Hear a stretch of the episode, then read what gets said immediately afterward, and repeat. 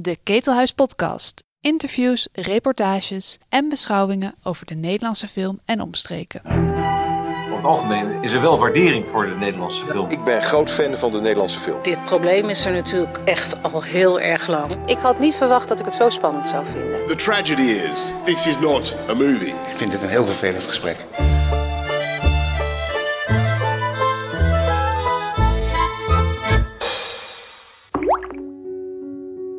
Waarom zijn de gesubsidieerde filmtheaters ook alweer op aarde? Die vraag dient op gezette tijden beantwoord te worden, want in populistische kringen heeft men daar niet altijd oog voor. Neem Jos Stelling, niet de regisseur, maar de bioscoopondernemer Jos Stelling te Utrecht. Sinds jaar en dag beweert hij hetzelfde te doen als de gesubsidieerde filmtheaters, maar dan zonder subsidie.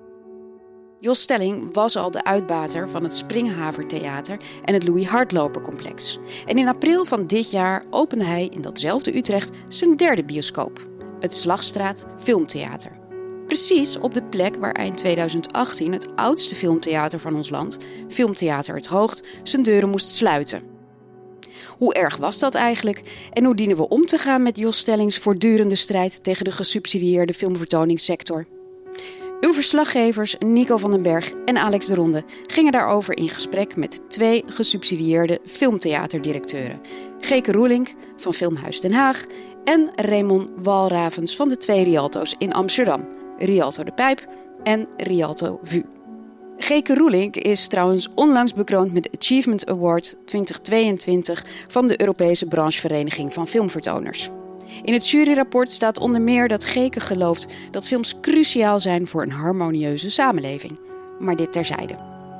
Jos Stelling zat virtueel aan tafel en krijgt af en toe het woord in enkele fragmenten uit een gesprek dat we een paar weken eerder voerden met hem en zijn huisbaas, Suzanne te Braken, directeur van het Utrechts Monumentenfonds. Niet onbelangrijk, alle huidige en vroegere directeuren van het Hoogt weigerden ons in alle toonaarden te woord te staan. Hartelijk welkom eh, bij de Ketelhuis Podcast. We zitten weer eens aan een keukentafel. Naast mij mijn partner in crime, Nico van den Berg. En tegenover me twee directeuren van vooraanstaande filmtheaters in Nederland. Geke Roelink van Filmhuis Den Haag en Raymond Walravens van Rialto, het bekende theater in Amsterdam. Virtueel aan tafel zit uh, Jos Stelling, bioscoopondernemer in Utrecht. Die spraken we een paar weken geleden bij de opening van het Slachthuis, Slachtstraattheater, moet ik zeggen. Iedereen zegt Slachthuis trouwens. Dat is het derde theater dat hij uh, uh, nu exploiteert na Springhaven en het Louis Hardlopercomplex. En de ironie wil, als je het ironie kan noemen, dat hij dat theater, dat Slachtstraattheater, opent op de plek waar het oude filmtheater Het Hoogst in eind 2018 zijn deuren sloot. Het Hoogst was het oudste filmhuis van Nederland, opende de deuren in januari 1973, als ik het uh, goed uit mijn hoofd zeg. We informeerden uh, naar die gang van zaken bij de directeur van het Utrechts Monumentenfonds. Dat is de huisbaas van het Slachtstraattheater. En Jos kwam ook nog even aan het woord. Laten we daar even naar luisteren. En nou komen wij natuurlijk maar uit de provincie, vanuit Amsterdam. We hebben van een afstandje naar gekeken. Ja. Maar ik had wel iets van. Um, misschien kan je iets bij, uh, bij het perspectief van de buitenstaander voorstellen. Het hoogst moet eruit, Ja. zo wordt het ervaren. Ja. En een paar maanden later uh, dient Jos Stelling zich aan. Uh, dat komt best een beetje vreemd over. Ja, dat kan ik me heel goed voorstellen. En ik denk uiteindelijk dat het gewoon ook een stukje momentum uh, is. En uh, soms lopen nou dingen nou eenmaal zoals ze lopen. Kijk, het hoogte hebben wij al in 2013 opgezegd. Dus dat besluit was al genomen. Zij zouden weggaan. Zij wilden ook weg. Uh, toen zij eruit gingen, zouden zij al, hè, was het het plan al van de machinerie en dat ze daar naartoe zouden, uh, zouden gaan. En eigenlijk, ja, daarna uh, is ons perspectief op, op het theater veranderd. En ja, zijn we toch echt voor die culturele en die publieke invulling gegaan. En soms lopen dingen nou ja, eenmaal zoals het gaat. En dat kan me voorstellen dat het misschien een beetje gek lijkt. Ja, dat kan. Uh, Hadden die verbouwingen die nu zijn gedaan alleen maar tot stand kunnen worden gebracht met samenwerking met Jos Stelling? Of had het ook uh, wellicht kunnen worden gedaan op het moment dat het hoogte nog in had gezeten of een Nee, andere denk- gesubsidieerde instelling? Ik denk dat dit echt eh, iets is wat wij samen hebben, hebben gedaan. En ik denk dat eh, ook als je kijkt naar het eh, ontwerp en eh, wat dit eh, geworden is, eh, dit is 1 plus 1 is 3. En eh, voor, die, eh, voor die andere 1 zeg maar, wij eh, ook eh, iemand als Jos nodig. Wat, wat kost nou zoiets? Ja, eh, Jos? Ja, maar kijk, ik vind dit gesprek een beetje raar. Die slachtofferrol voor het Hoogt past hier helemaal niet. Het Hoogt was eind vorige eeuw al bezig met een multicultiplex in de middenstad. Van, en dat wist iedereen. Ja. Dus eh, eh, als, huurder van het, als verhuurder van het Hoogt denk je nou, wanneer gaan ze nou? Of niet? Of wel? Of niet? Toen kwam er nog zeven plannen in Utrecht om iets groots te gaan beginnen in de stad. Top-down gedacht. Vanuit een soort gesubsidieerde top-down gedachte. En dat gaat dus niet. Dat werkt dus niet en dat is bewezen. Dat is ook door de gemeenteraad gecorrigeerd, weet ik veel. En nu stond het opeens leeg. En toen was het zo'n mooie zonnige dag als vandaag. Loop ik eh, twee jaar geleden hier door de binnenstad. En ik zie mijn hoogte, waar ik kwam als vij- 50 jaar geleden. Waar ik aan de bar stond, waar, waar, ik, waar alles is begonnen. Ik keek door de ramen naar binnen en ik zag een gesloopte tent. En dat is het verhaal. En toen heb ik haar gebeld en gezegd... wij gaan het Is, samen is het bespreekbaar Ja. dit? En het geluk wat ik had, want eh, eh, onroerend goed of, of vastgoed jongens, daar hoef ik niet mee aan te komen. Dat, gaat om het geld. Bij ons gaat het helemaal niet om het geld. Dit is een stichting. Dus als, ik, als zij van mij, aan mij verdient, is het goed voor de stad. Is het goed voor, voor de stichting. Dus dat doe ik met plezier. En ik heb verder geen enkele exploitatiebehoeftes. Of, ik hou van deze stad. Ik hou van film. En ik wil ook niet groter, meer, wat dan ook. Ik wil gewoon dit. Dat vind ik leuk. Goed, leuk voor mijn kinderen. Ik heb drie kinderen die er helemaal in zitten. En dat is het verhaal. En wat het hoogst verder doet of wil of wilde, dat is hun probleem. Ik kan er verder niks aan doen. Nou, wat het, eh, het leidt nu een nomadisch bestaan. Hè, af en toe een voorstelling in de bibliotheek. Over een jaar of over twee jaar zullen ze dan herreizen in, eh, in de machinerie. Ehm, maar dat ze sinds 2018 dicht zijn, Filmtheater Het Hoogt. Is dat funest, Raymond? Ja, ik vind het funest voor het hele wagenpark of circuit. wat we in de afgelopen 50 jaar in Nederland hebben opgebouwd. Ehm, want Utrecht is een belangrijke studentenstad in Nederland. en dus ook een belangrijke schakel in, in, dat, hele, eh, nou ja, in dat hele systeem. En, ehm, en omdat er toch echt wel verschillen zijn tussen wat een commercieel arthouse zoals Jos Stelling of een aantal andere partijen in Nederland runnen en een, non-profit filmtheater, eh, vind ik het wel echt serieus een gemis dat bijvoorbeeld het Haagse Filmhuis op een gegeven moment een periode moest verbouwen. Eh, want dat kost dan toch even het hele systeem, hè, de distributie, iedereen kost dat even pijn. En hetzelfde geldt voor een hoogt, wat sinds 2018 eh, eh, dicht is en pas over één of twee jaar weer open gaat. Eh, in, in dan een nieuwe vorm in de machinerie. Dus ja, ik vind dat een gemis. Ja. Als Jos Stelling bijvoorbeeld zegt in mijn theaters kan ik in principe laat ik alles zien wat het hoogte ook had kunnen zien. Zie je nu dan toch bepaalde dingen die nu hè, met de, het normalische bestaan van het hoog nu missen in, in Utrecht? Ja, ten eerste denk ik dat als je naar het programma, de programmering van, van de theaters van Jos Stelling kijkt, dan, nou ja, dan profiteert hij van het feit dat we zo'n mooi palet aan distributeurs in Nederland hebben waar hij uit kan putten. En dat, dat hele palet is ontstaan door het systeem van gesubsidieerde filmvertoners. Ehm, en daar doet hij toch een beetje aan cherrypicking. En dat mag, want hij is een commerciële ondernemer. Maar dat betekent dus wel dat, dat, dat er eh, eh, nou ja, titels van minder bekende makers, eh, jong talentvolle makers, films uit, die niet uit West-Europa of uit Amerika komen, ja, die, die zijn in Utrecht al een behoorlijke tijd minder te zien dan toen het hoogte nog wel was. Ja, tuurlijk. Even naar Geek. Als je naar Den Haag kijkt, dan zijn daar in tegenstelling bijvoorbeeld in Rotterdam zijn er geen, of is er geen uh, niet gesubsidieerd uh, filmtheater. Je hebt alleen de Pathé-bioscopen daar. Uh, is dat iets wat in je voordeel is? Of is het ook een soort van gemis van iets wat je misschien scherp had kunnen houden? Nou, ik beschouw Pathé Buitenhof toch eigenlijk wel als een commercieel arthouse. Dus wij hebben ook te maken met inderdaad de programmering van de grote commerciële ketens, maar ook met arthouse programmering in Den Haag. En uh, is er onderlinge afstemming? Als je kijkt naar de situatie natuurlijk in Utrecht, dat, uh, daar komen we later zeker op, dan zie je daar toch een behoorlijke mate van polarisatie. Terwijl ik heb dat in andere steden dat veel meer ook in onderlinge harmonie en afstemming gaat. Is dat ook jouw ervaring in Den Haag? Ja, we hebben behoorlijk veel contact met Pathé. En wij zorgen eigenlijk dat we aanvullend programmeren op wat zij bieden. Um, en ik wilde nog iets toevoegen aan uh, wat Raymond zei. Wat, waarom het ook heel jammer is dat het hoogte dicht is zo lang, is omdat naast vertoning van films je natuurlijk enorm veel randprogrammering realiseert. En educatie en programma's voor makers. En dat moet uh, Utrecht nu allemaal missen. Um, G, kan jij iets met de, de term de gesubsidieerde top-down gedachte, waar Jos over hebt. Ja, ik ben enorm benieuwd naar hoe een gedachte gesubsidieerd kan worden. Dus dat allereerst. Ik denk dat hij bedoelt dat hij vindt dat um, subsidie een soort van luiheid in de hand werkt. Tenminste, zo interpreteer ik dat. Kan, uh, kan het helemaal verkeerd hebben.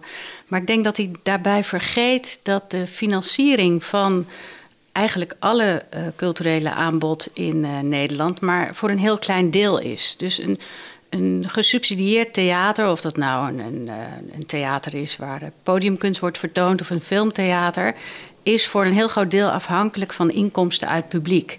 Daarnaast uh, gebruiken ze die inkomsten uit publiek om kwetsbare programmering neer te zetten. Dus programmering waar je geen geld mee verdient. En uh, ik begrijp dus niet heel erg goed wat hij bedoelt met gesubsidieerde. Wat zei hij ook alweer? Gesubsidieerde top-down gedachte. Ja, die top-down gedachte. Ja, ik, ik zou heel graag van hem horen wat hij daar precies mee bedoelt. Nee, maar het, het, het is historisch ook volstrekt onjuist. Uh, want nou ja, ik bedoel, als je de equivalent trekt met de podiumkunsten. Hè, er is ooit door, door de overheid, zowel lokale overheden als, als, als provinciale als nationale overheden, bedacht. Ja, als wij een fatsoenlijk podiumkunstaanbod in onze stad of regio willen, dan, dan moeten we een gebouw neerzetten en dan moeten we subsidie aan geven om te kunnen programmeren en activiteiten te kunnen doen, et cetera. Nou, doordat dat circuit is gebouwd, uh, um, en daar wordt nog steeds aan gebouwd hè, op allerlei plekken. Uh, de Weervaart wordt weer gerenoveerd of uh, vernieuwd of, in Amsterdam. Um, is het mogelijk dat 80% van dat aanbod niet met subsidie wordt gemaakt? maar dat er vrije producenten zijn, grotere of kleinere, die prachtige theatervoorstellingen of dansvoorstellingen of musicals of wat dan ook kunnen maken. En dat wordt vertoond in grotendeels, niet alleen, maar grotendeels in gesubsidieerde podia. Daarom hebben we zo'n uh, uh, theater-toneelklimaat in het land. En met, en met film is dat natuurlijk niet anders. Ik bedoel, 50 jaar geleden had de bioscoopcircuit het volledig laten zitten. Die vertoonde echt niks meer wat, wat niet voldoende geld en popcorn opleverde. Um, en kwam er dus een tegenbeweging en dat heette uh, filmhuizen. Um, en, en, en die hebben ervoor gezorgd, doordat gemeentes daarin geïnvesteerd hebben, uh, dat er nu een circuit is van filmtheaters, wat ervoor zorgt dat niet gesubsidieerde distributeurs, gewoon vrije ondernemers, films kunnen aankopen op een manier die eigenlijk behalve in Frankrijk nergens in de wereld plaatsvindt. Want dat is wat we ons ook moeten realiseren. Dat circuit van gesubsidieerde non-profit vertoners, aangevuld met een aantal commerciële partijen, heeft er in de afgelopen 30 jaar voor gezorgd dat we nu het grootste filmaanbod in de wereld hebben, behalve in Frankrijk. Ja, dat is volgens mij een kwaliteit. En, en dat is dus gewoon onderdeel van cultuurbeleid. Ja, dat kun je top-down noemen. Maar een overheid is ervoor om gemeenschapsgeld zo in te zetten dat er sprake is van een kunst- en cultuuraanbod. En waar dat niet commercieel plaatsvindt, moet dat vooral dus wel gesubsidieerd plaatsvinden. En wat is nou het grote verschil? Geek en ik worden er geen cent beter van op het moment dat wij succesvol zijn. Ik bedoel, wij gaan daar geen dure huizen van kunnen kopen, geen dure auto's, geen vakantie, uh, uh, nou, noem het allemaal maar op. Op het moment dat ondernemers als Jos Stelling goed geld verdient, en daar heeft hij alle recht toe, want hij is een ondernemer, met zijn horeca en zijn filmzalen, nou dan kan hij daar allerlei mooie dingen mee doen en daar hoeft hij niemand verantwoording over af te leggen.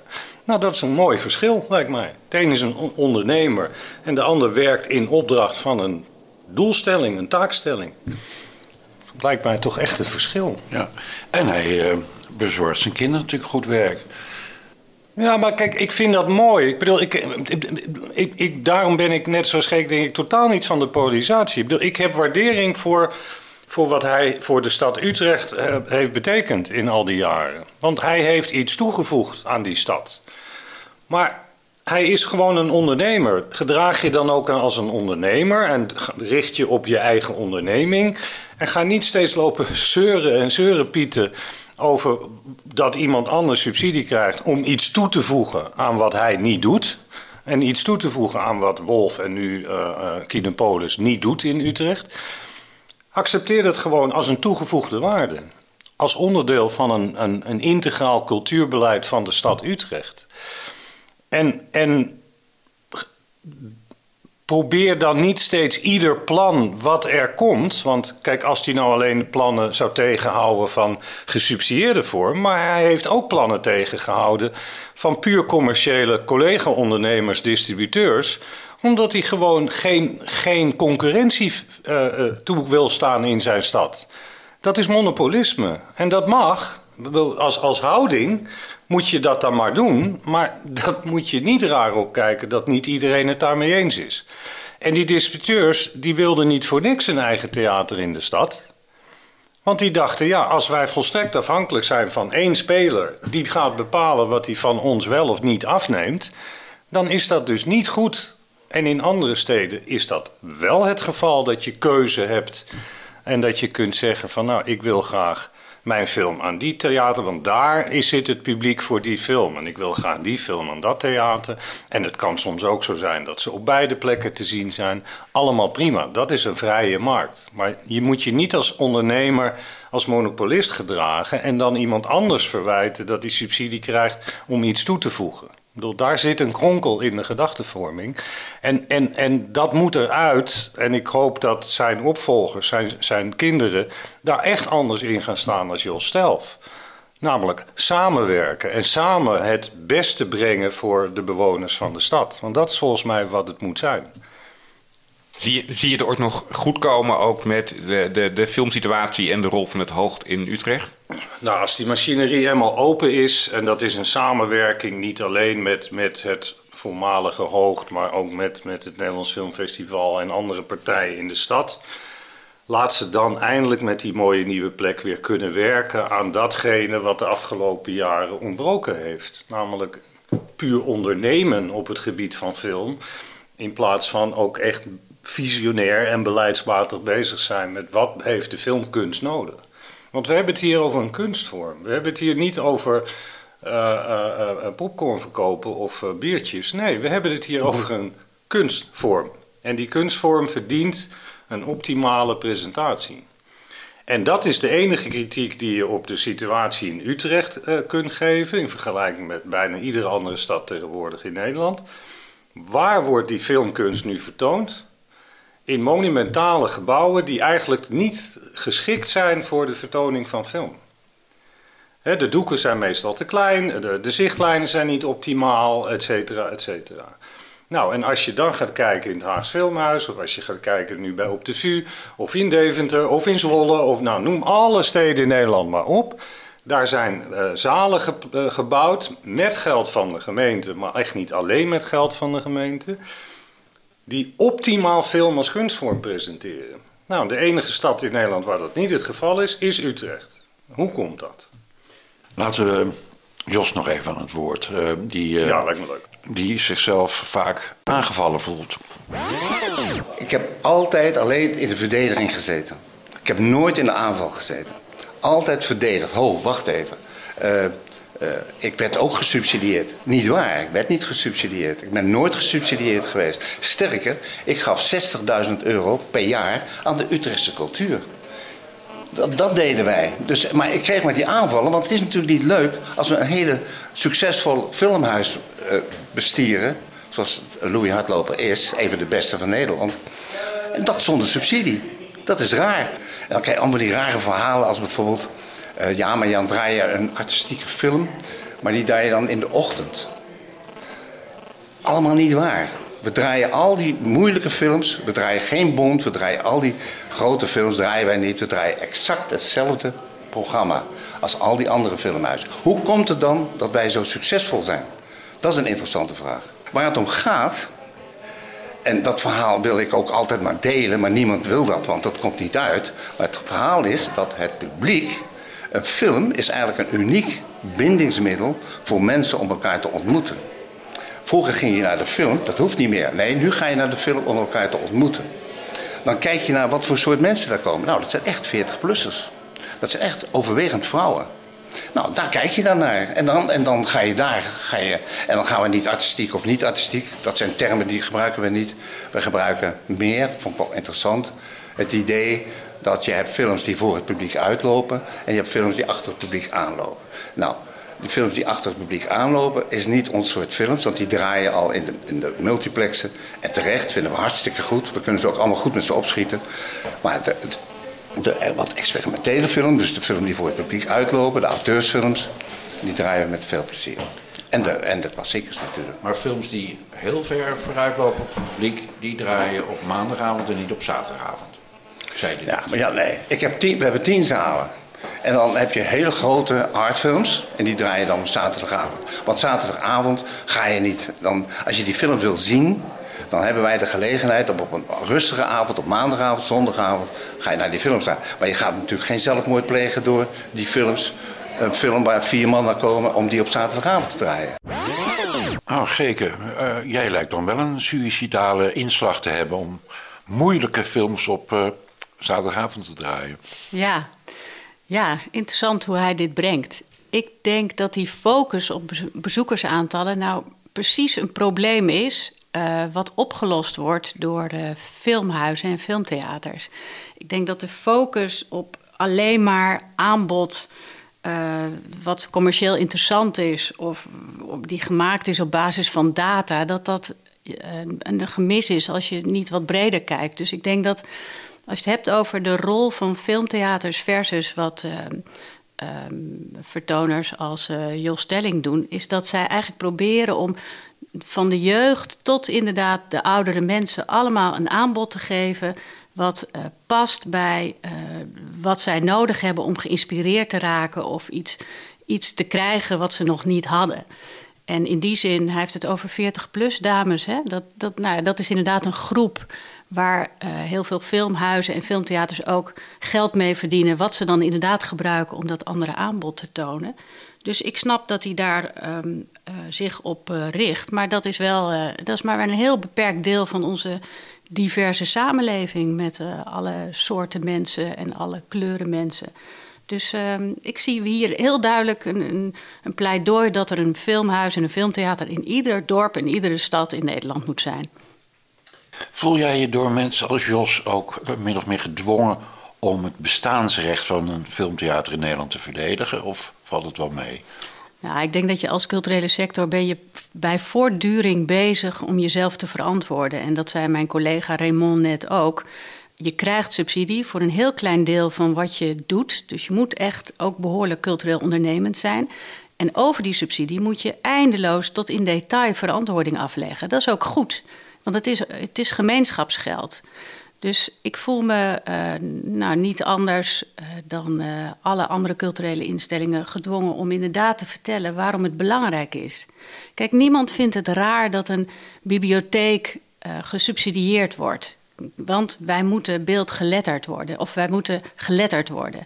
Maar een filmtheater helpt aan beeldgeletterdheid. Nou, in deze gemedialiseerde samenleving is dat misschien nog wel nou, ik wil niet zeggen belangrijker, maar in ieder geval even belangrijk. Want als je ziet hoe er wordt gemanipuleerd met beeld, alle fake news.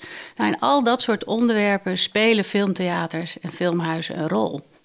En dat staat volgens mij bij Jos niet uh, primair op zijn doelstellingenlijst. En dat komt omdat hij ondernemer is en niet een, een, een, een kunstinstelling. In hoeverre worden uh, filmtheaters, net als bijvoorbeeld musea of uh, podiuminstellingen, ook door uh, de niet altijd even uh, cultuurminnende uh, politiek, met voortdurende discussies over subsidie, niet alsnog gedwongen om toch voor een groot deel ook ondernemer te spelen? Ja, maar volgens mij, kijk, dat is natuurlijk al behoorlijk lang geleden ingezet onder aanvoering van Rick van der Ploeg toen hij staatssecretaris was. Nou, alle lof voor een deel van zijn beleid, maar dus ook kritiek op een ander deel ervan. Namelijk dat je eigenlijk zegt van nou, wij geven jou subsidie, maar jij moet die subsidie, moet jij zelf maar uh, verviervoudigen. Uh, en hoe je dat doet, uh, gaan we ons niet te veel mee bemoeien. Um, ja, dat is op zich aardig, maar dat betekent dat je eigenlijk als overheid niet, niet duidelijk bent in wat je van die instelling nou precies op artistiek output verwacht. Um, en ik denk dat, dat, dat die kunstsector heeft gezegd: Nou, oké, meer ondernemend gaan we doen. Maar onze kern blijft wel degelijk datgene doen uh, waarvoor, waarvoor wij op aarde zijn. En dat is dus niet om zoveel mogelijk geld te verdienen. Want er zijn geen aandeelhouders uh, of er, zijn, uh, er is geen BV-constructie. Nee, we zijn een stichting. Dus alles wat we verdienen stoppen we meteen weer terug in de programmering, in de activiteiten. En dan stoppen we dat natuurlijk in die activiteiten die op zichzelf niet rendabel zijn. Ja, en dat, dat is wat we nu doen. Ik denk eerlijk gezegd dat, dat mensen als Jos Stelling of anderen beter uh, zouden kunnen pleiten voor meer subsidie aan, aan filmtheaters dan minder.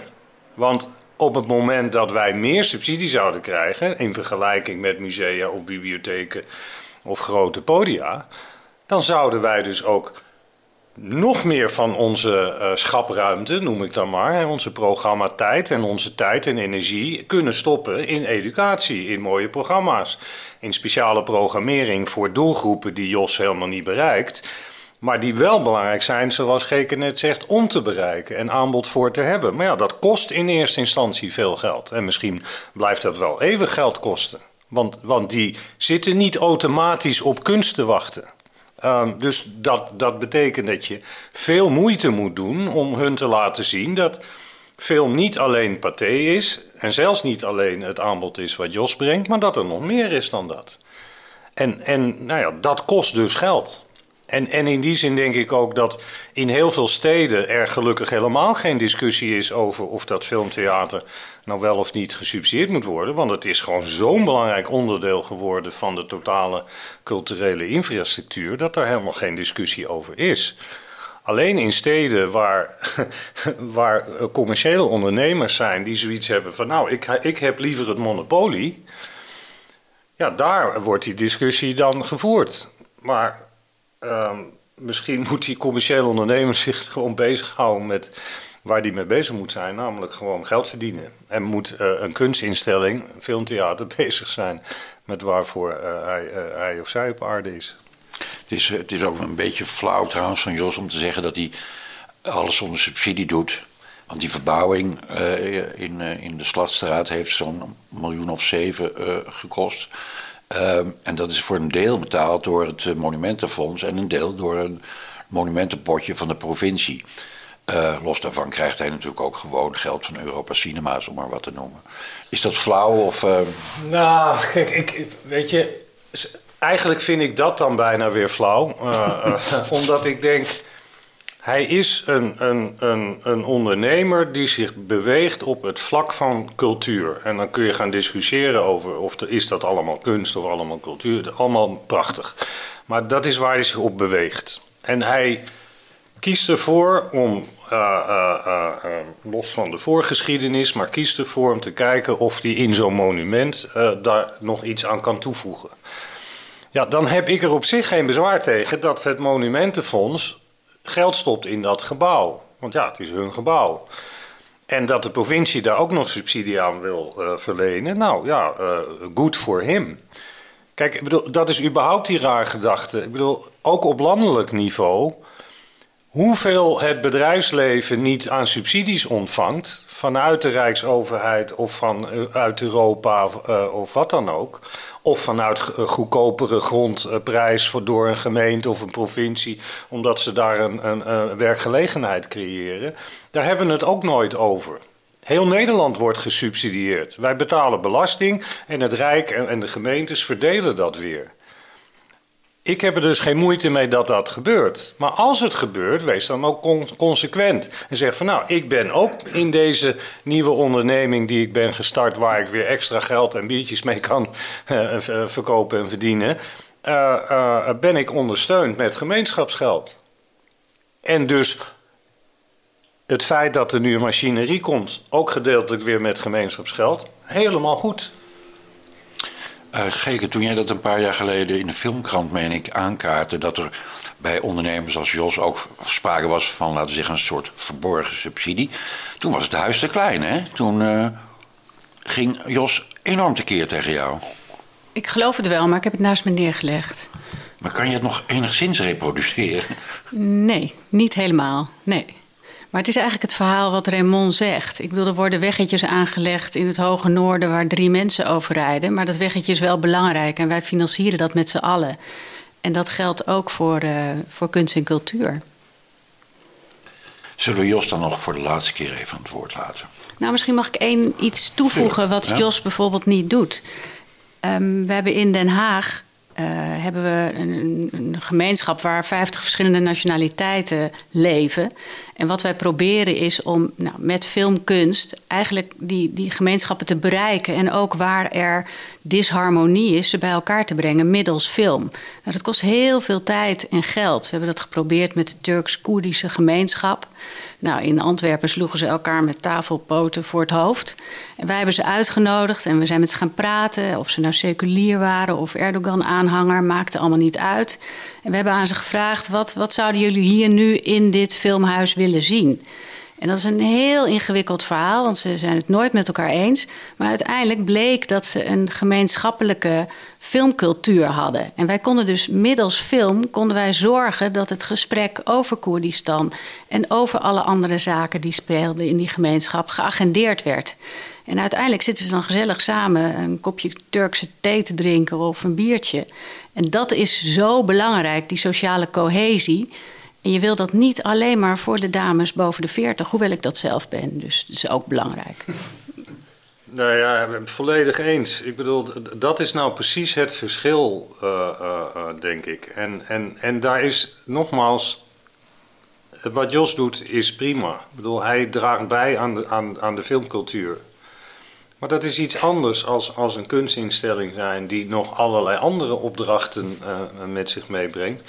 En daarbij film uh, als kunstvorm voorop stelt en film inzet voor andere uh, zaken.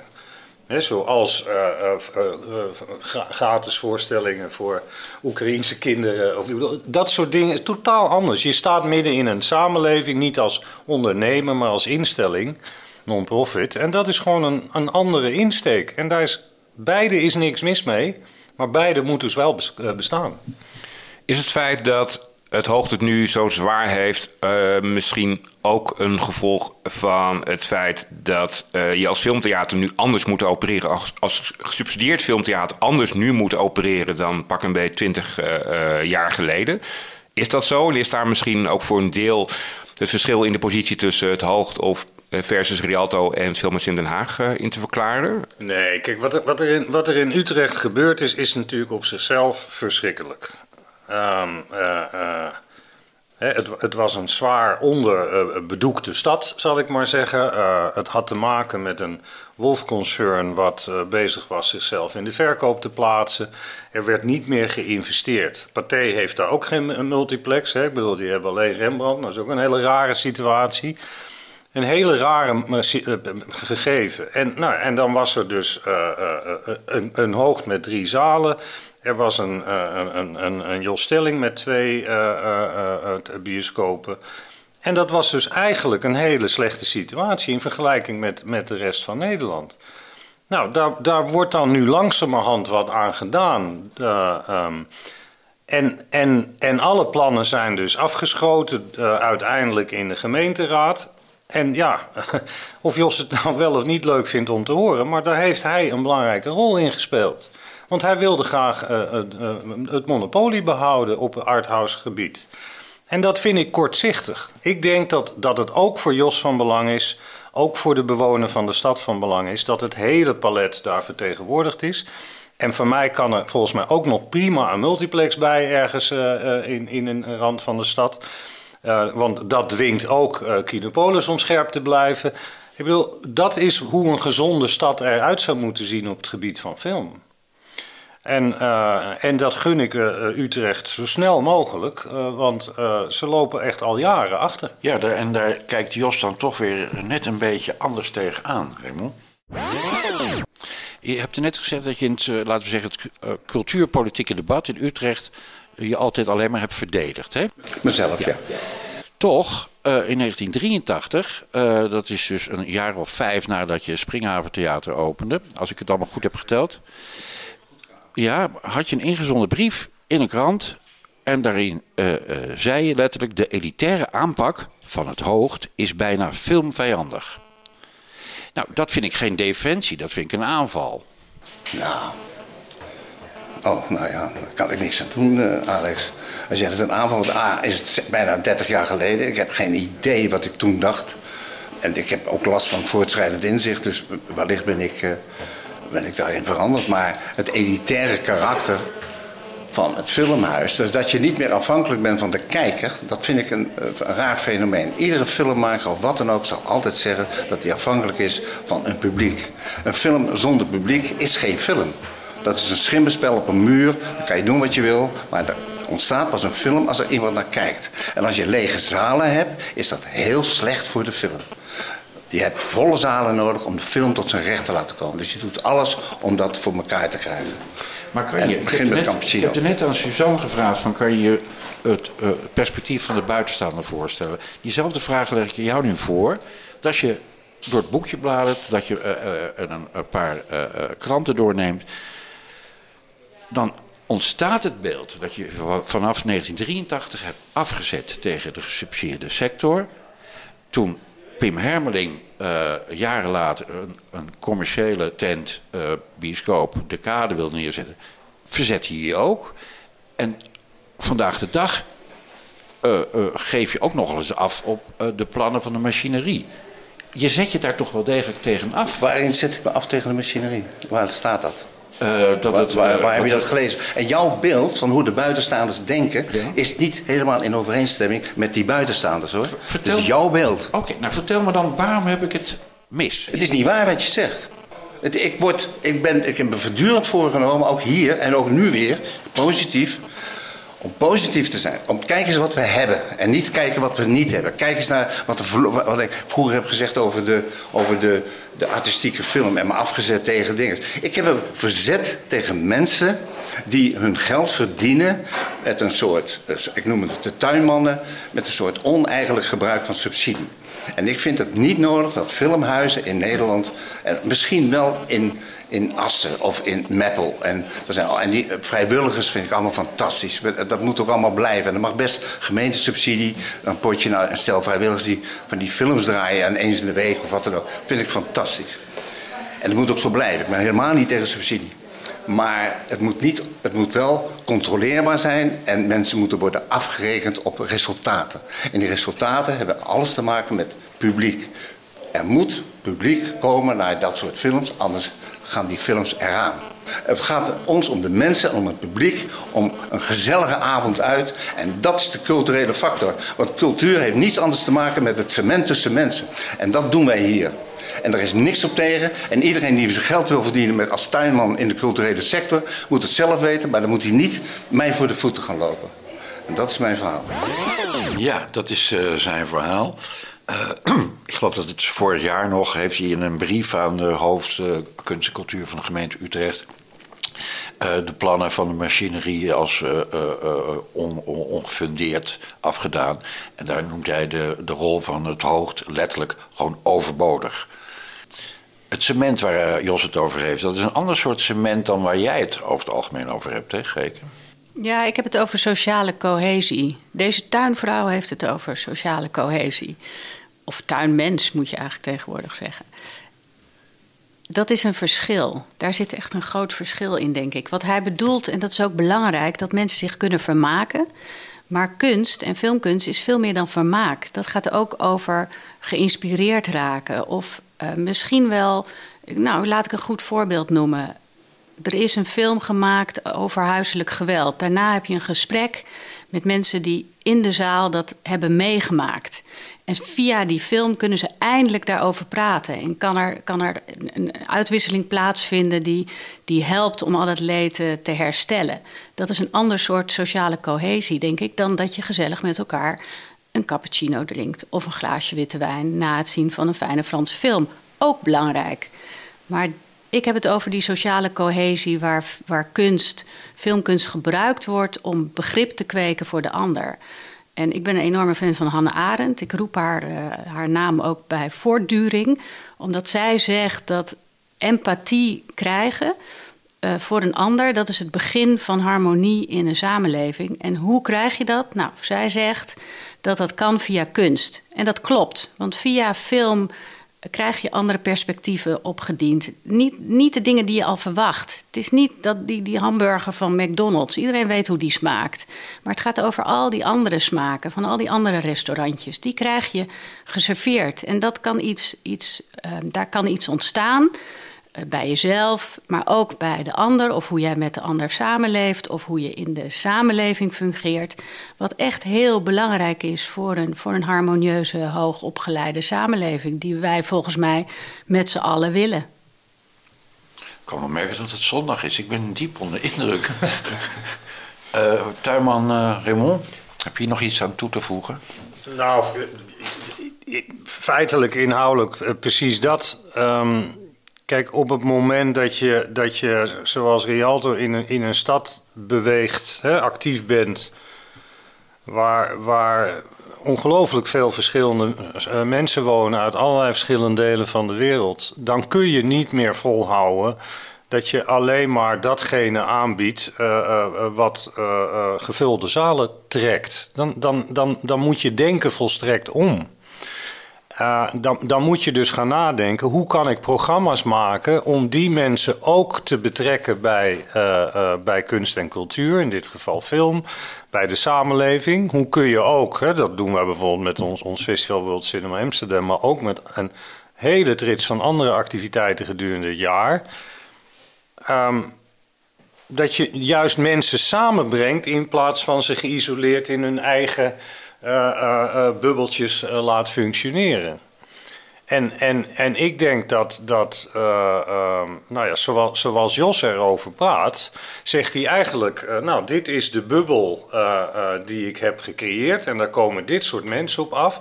En daar, nou, daar verleen ik een dienst aan en daar verdien ik geld mee. Maar wat wij zeggen is iets totaal anders. Wij willen juist niet er maar, maar voor één bubbel zijn. We willen juist proberen die bubbels voortdurend te doorbreken. En voortdurend te kijken van hoe betrekken wij ook jonge mensen bij film. Want ja, als ze allemaal 40 plus zijn, zijn we over 30 jaar, 40 jaar zijn we klaar. dus je moet voortdurend ook bezig zijn. Hoe verjong je je publiek? Ik bedoel, daarom zijn we mede op de vuur gaan zitten. Ga dan maar naar ze toe en kijk of dat lukt. Maar je, je, je, kijk, en, en wat hij dan, denk ik, want hij beweert dat dat geld niet nuttig besteed zou zijn. Nou, Geke zei het al, tot achter de komma moet het afgerekend worden.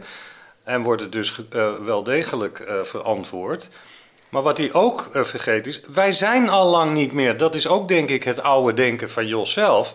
Wij zijn al lang niet meer theaters die zeggen, ja hoor, wij draaien de hele week films voor vier mensen. Nee, tuurlijk niet.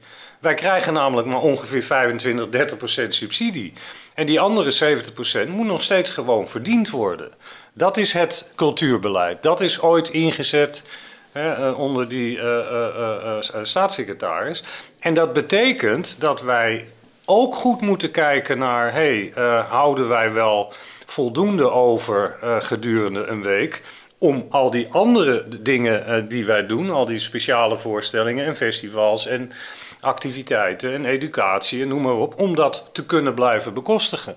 Want dat kan helemaal niet eens alleen uit die 25, 30 procent subsidie die wij ontvangen. Maar hoe ga je dan om met criticasters die zeggen... ja, maar Rialto draait ook films die te zien zijn in niet gesubsidieerde filmtheaters in, in Amsterdam. En datzelfde geldt ook voor andere steden. Ja, maar dat is natuurlijk onvermijdelijk. Kijk, film is dupliceerbaar. Ik bedoel, een, een, een, theatervoorstelling staat alleen op die plek. Nou, en die plek is dan gesubsidieerd. Maar ja, dan kan hij niet tegelijkertijd ook op een plek staan die niet gesubsidieerd is. Maar film is dupliceerbaar. En, en in een stad als Amsterdam uh, hebben we, uh, blijkt uit alle onderzoeken, wat gebeurt er? Mensen willen maximaal 10, 15 minuten fietsen om naar de film te gaan.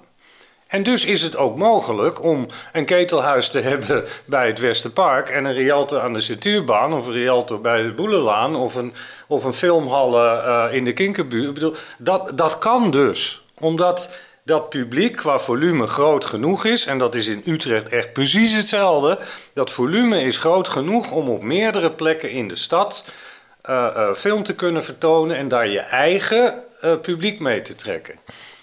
En, en ja, het feit dat die film dan bij ons te zien is, maar ook in de filmhallen of in sommige gevallen zelfs gewoon bij Pathé, ja, daar is helemaal niks mis mee, want dat bereikt dus ieder zijn eigen publiek. Maar wat het vooral doet is ervoor zorgen dat die distributeurs die al die artistieke films aankopen, zowel de grotere als de kleinere, de moeilijke, zoals eh, Jos dat dan noemt, dat die overeind kunnen blijven. En die hebben dus zoveel mogelijk voorstellingen en bezoekers nodig. Want maar een paar films per jaar verdienen echt het geld, ook voor die distributeurs. En daarmee kunnen ze weer andere films kopen die Jos niet eens draait, maar die wel belangrijk zijn voor het filmklimaat. Hoe ga je zelf om met die balans tussen enerzijds bepaalde films moeten vertonen om een bepaald publiek eh, binnen te krijgen, en anderzijds uh, uh, films en evenementen te programmeren ja, die, die in lijn liggen met je missie en waar je ook binnen Filmhuis Den Haag voor wil staan? In principe draaien wij niet iets wat ook door een andere vertoner in Den Haag is geprogrammeerd. Behalve, en dat is van de 140 nieuwe titels, zijn dat er maximaal zes als die films iets toevoegen aan wat wij als filmhuis willen betekenen voor de stad. Want dat is nog een belangrijke aanvulling. Ik denk dat de meeste filmhuizen en filmtheaters in Nederland heel goed zich bewust zijn van de omgeving waarin ze opereren. En dat is iets heel anders dan een, een, een pathé, eh, doorgaans of Kinepolis, die eigenlijk gewoon de films draaien. Die, nou, ik noem het even de McDonald's. Altijd lekker, altijd fijn. Maar dat je echt je, je vergewist van wat speelt er in mijn eh, dorp of mijn stad. En hoe kan ik met welke films en met welke randprogrammering of met welke educatieve programma's of programma's voor makers in die stad iets toevoegen wat er uh, nog niet is in die andere bioscopen.